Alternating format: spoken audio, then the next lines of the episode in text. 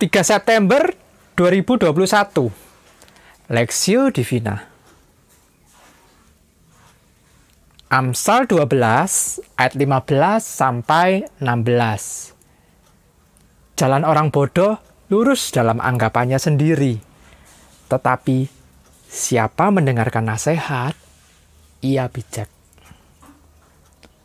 Bodohlah yang menyatakan sakit hatinya seketika itu juga tetapi bijak yang mengabaikan cemooh Hikmat dari Amsal, orang bodoh, perspektif. Jalan orang bodoh lurus dalam anggapannya sendiri, tetapi siapa mendengarkan nasihat, ia bijak. Bodohlah yang menyatakan sakit hatinya seketika itu juga, tetapi bijak yang mengabaikan cemooh. Amsal 12 ayat 15 sampai 16.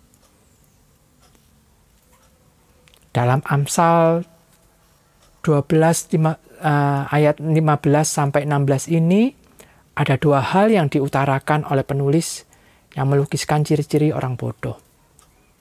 Hal pertama, orang bodoh itu sulit mendengarkan nasihat orang lain dan dalam anggapannya selalu merasa diri benar.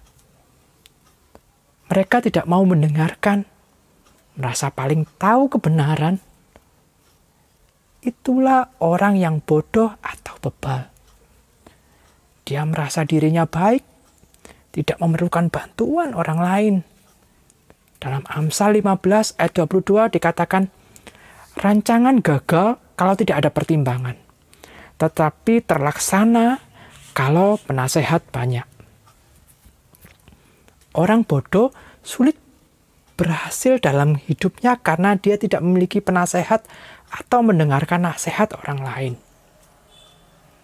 Hal kedua adalah bahwa orang bodoh itu bila diberitahu sesuatu yang tidak dia suka, dia langsung akan berubah tersinggung sekali dan bahkan marah. Ia sulit untuk menguasai dirinya dan tidak dapat menyembunyikan perasaan hati di depan umum. Orang ini pada akhirnya akan bermusuhan dengan banyak orang dan ia hanya mau berteman dengan orang-orang yang mengatakan sesuatu yang bisa menyenangkan hatinya. Jadi teman-temannya hanyalah mereka yang suka membenarkan dia, bukan orang yang berani mengoreksi kesalahannya. Sebagaimana ditulis Amsal 16 ayat 32, orang yang orang yang sabar melebihi seorang pahlawan. Orang yang menguasai dirinya melebihi orang yang merebut kota.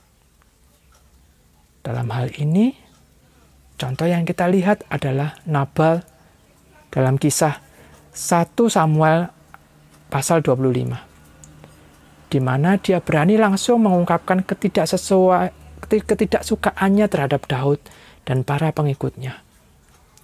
Padahal Nabal ini tidak memiliki kekuatan militer sehingga apabila Daud mau, Daud bisa langsung menghabisi si Nabal. Sebaliknya, Daud bertindak bijaksana.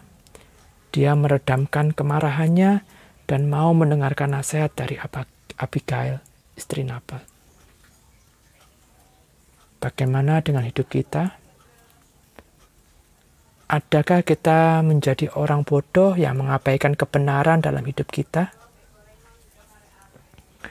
Adakah kita mudah marah dan mengadakan permusuhan dalam dengan sesama kita? Allah mendamaikan kita dengan sesama melalui pengorbanan salibnya. Sesama adalah anugerah bagi kita untuk menegur dan menjaga kita hidup di dalam yang benar. Studi pribadi, apakah kita cukup rendah hati untuk mendengarkan orang lain? Dapatkah kita menguasai emosi dan perkataan ketika dihadapkan dengan hal yang tidak adil atau tepat? Pokok doa, setiap umat Tuhan menghargai karya salib yang Tuhan lakukan sehingga kita boleh hidup benar dan berlaku bijak sesuai firman-Nya.